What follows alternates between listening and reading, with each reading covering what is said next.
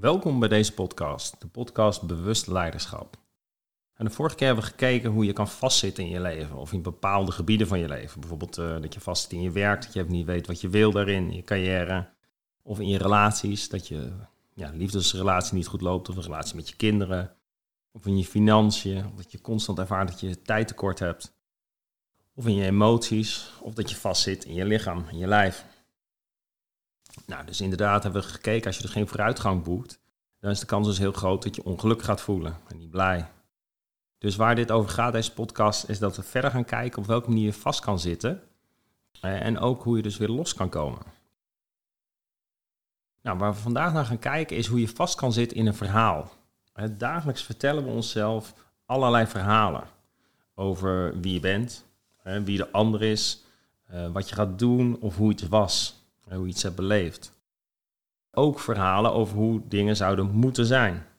Maar zo vertellen mensen dus ook het verhaal dat ze op 35ste huisje, boompje, beestje willen hebben. Het is natuurlijk een heel mooi, ja, mooi om een beeld van de toekomst te hebben.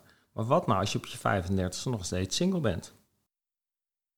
Nou, grote kans is dan dat je toekomstverhaal zorgt voor frustratie of teleurstelling. En als onze verhalen onze beelden over hoe het zou moeten zijn, dus niet overeenkomen met de werkelijkheid, creëren ze vaak emoties zoals angst, boosheid of verdriet. Daarom dus is het belangrijk om bewust te worden van je verhalen, welk verhaal je vertelt. Nou, er zijn natuurlijk heel veel verhalen te bedenken. Dus ter inspiratie bijvoorbeeld, hey, iemand wil afvallen, maar die heeft, vertelt zelf het verhaal dat hij zware bot heeft. Of dat hij uh, iemand anders die wil productiever zijn, maar die zegt tegen zichzelf dat ze verlegen is. Of dat je niet toe doet, of ik ben nou eenmaal zo. Dat zijn allemaal verhalen die we onszelf vertellen. En waar dit dus over gaat, is dat het kan dus waar zijn dat je zware botten hebt. Alleen het is geen helpend verhaal als je dat diezelfde de hele dag vertelt. Want dat motiveert je niet om te gaan bewegen, of te gaan sporten, of wat er ook nodig is. Nou, ik kwam er zelf achter, uh, doordat mijn oudzoon is autistisch. En viel me op dat als ik dat verhaal ging vertellen aan vrienden, familie, uh, onbekenden, en dan was er wat gebeurd. Dan was mijn zoon heel erg boos geworden. Had hij ook dingen kapot gemaakt. Dus bijvoorbeeld had hij ruizenwissers van een auto afgetrokken. En dat zijn eigenlijk best, waren echt wel pittige ervaringen. Voor mij, voor de omgeving, met name dus ook voor mijn zoon. En als ik dat dus vertelde aan mijn omgeving, dan kreeg ik altijd medelijden terug.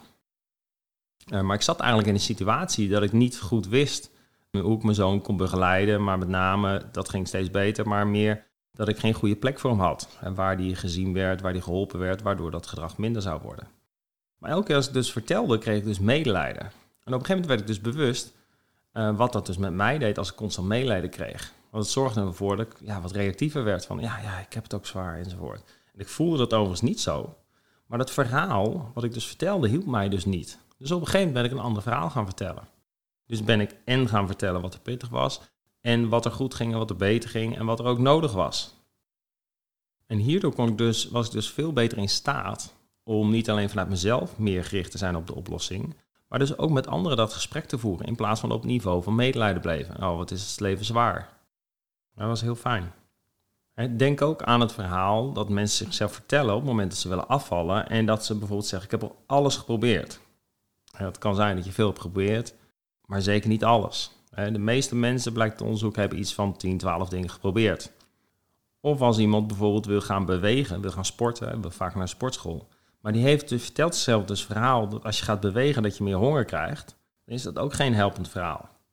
Het is dus geen helpend verhaal, want het zorgt ervoor dat je hulpeloosheid en onmacht in je lichaam creëert. En het wordt ook heel lastig voor je omgeving om je te helpen. dus als iets niet werkt, verander je aanpak. En in dit geval verander je verhaal. Nou, mijn vraag aan jou, welk verhaal vertel jij jezelf of aan anderen? En dus wat hoor je zelf vertellen als je bijvoorbeeld met vrienden, als je opeens weer je vrienden ziet en wat vertel je ze dan? Of je komt op je werk en mensen vragen hoe was je weekend? Welk verhaal vertel je dan? Schrijf het eens voor jezelf op. En onderzoek dan, was het een helpend of is het een beperkt verhaal? Mooi.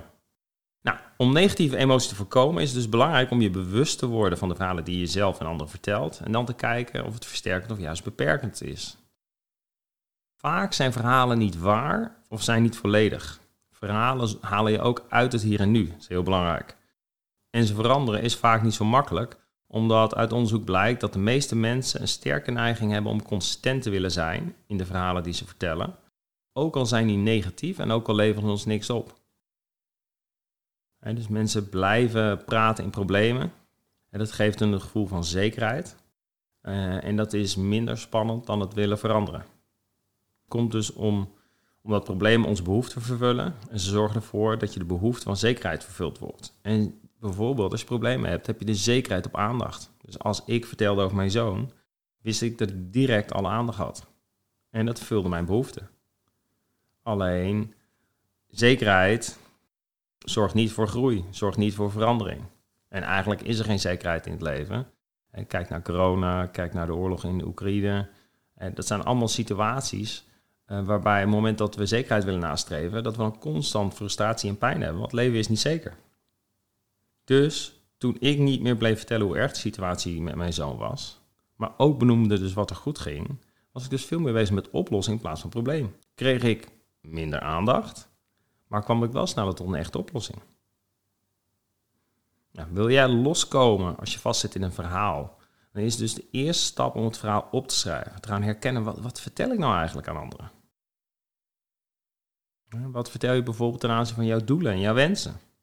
Dit is de eerste stap in bewustwording, wat gaat zorgen voor een shift. De tweede is om een hogere betekenis, een geloof te ontdekken in wat je vertelt. Ik geloof dat het leven mij niet overkomt, maar dat er dingen op mijn pad komen waar ik van kan leren en kan groeien. Dit is mijn verhaal, maar dat is een helpend verhaal.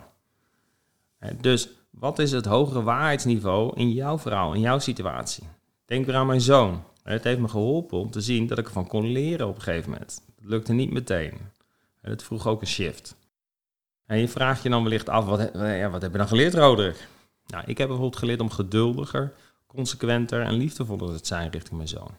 Maar ook dus richting anderen. En vooral richting mezelf. Want dit is wat de situatie van me vroeg. En heeft ook, dit heeft ook voor een verandering gezorgd. Nou, mocht je het nog niet zo makkelijk vinden om je eigen verhaal te ontdekken, neem dan contact met me op. Kan bijvoorbeeld door een e-cursus of door gewoon een coachgesprek. Er zijn allerlei manieren om te kijken van, hey, hoe kan je dat verhaal nou helder krijgen? En dus uit die negatieve emotie blijven en te gaan shiften naar positieve emoties. Door het een andere betekenis te geven in je verhaal. En dus een ander verhaal te vertellen. Veel succes en een hele fijne dag.